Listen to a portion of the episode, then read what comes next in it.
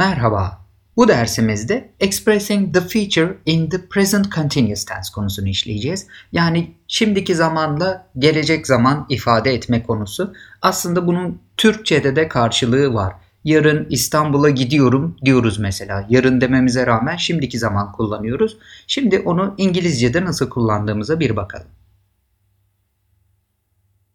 Evet arkadaşlar, bakın I'm flying to London next week dediğimde gelecek hafta Londra'ya uçuyorum diyorum. Türkçe'de gidiyorum deriz. Onlar uçakla gitmeyi uçuyorum şeklinde de söylüyorlar. Bakın next week var devamında. I'm flying dedik. E, bu şekilde kullanabilirsiniz. Aynı Türkçe'de olduğu gibi. Daha sonra gelecek zaman konusunda will, be going to konularını da işleyeceğiz. Onları da ayrıca nasıl gelecek zaman ifade ettiğimizi göreceğiz. Bakın we are having a party tomorrow. Yarın bir parti yapıyoruz diyoruz. Bakın e, yine present continuous tense kullandım. She is meeting her friends next weekend. O gelecek hafta sonu arkadaşlarıyla buluşuyor dedik. Bakın next weekend gelecek zaman she is meeting kullandık. They are getting married in September. Eylül'de evleniyorlar. Bakın they are getting married deyip nokta koysaydık şu anda evleniyorlar olurdu. Arkasına in September koyunca Eylül ayında evleniyorlar. Aslında evlenecekler anlamına geldi. Burada en çok dikkat edeceğiniz nokta sonunda, başında da olabilir, önemli değil. Gelecek zaman zarfı mutlaka olması lazım. Eğer yoksa şu anı kastediyoruz demektir. Varsa gelecek zaman. Bakalım present kullandığımızda I am going to Istanbul now diyorum. Yani şu anda İstanbul'a gidiyorum. Bu cümleyi future tense'te gelecek zamanda kursaydım I am going to Istanbul tomorrow. Yarın İstanbul'a gidiyorum demiş olurdum. Yani sondaki zaman zarfı değiştirdi kullandığımız zarfı. Yapı olarak ikisi de aynı. Diğer örneğimiz We are taking a trip at the moment. Şu anda bir gezintiye çıkıyoruz, geziyoruz demiş oluyoruz.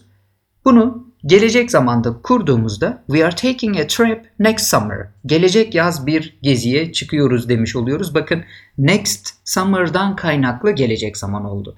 Ama ilkinde at the moment şu anı kastetmiştik. Evet, şimdi biraz daha örnek verelim.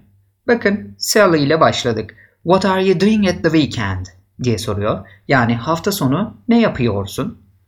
Kastettiği aslında gelecek zaman. Carl da cevap verdi. I am meeting my friends and you.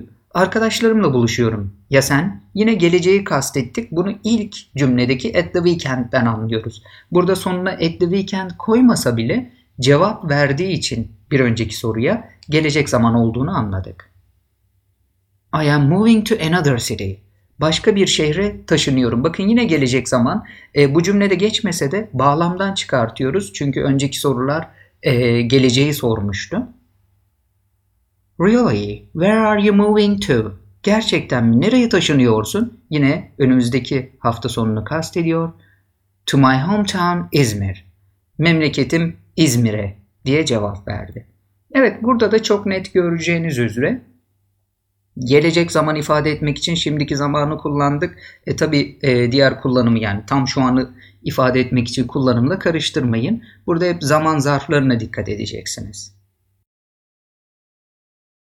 Evet arkadaşlar, bu dersimizin sonuna geldik. Çok basit bir ara konu işledik ee, ama çok da önemli bir konu. Çünkü gelecek zaman ifade etmeye başlayacaksınız artık yavaş yavaş. Şu ana kadar geniş zaman, şimdiki zamanı öğrendik. Şimdiki zamanla geleceği ifade etmeyi de öğrendik. Daha sonra farklı zamanlarımızı, geçmiş zaman, perfect zamanlar, yine gelecek zamanlar onları da işleyeceğiz yeri geldiğinde. Bir sonraki dersimizde görüşmek üzere.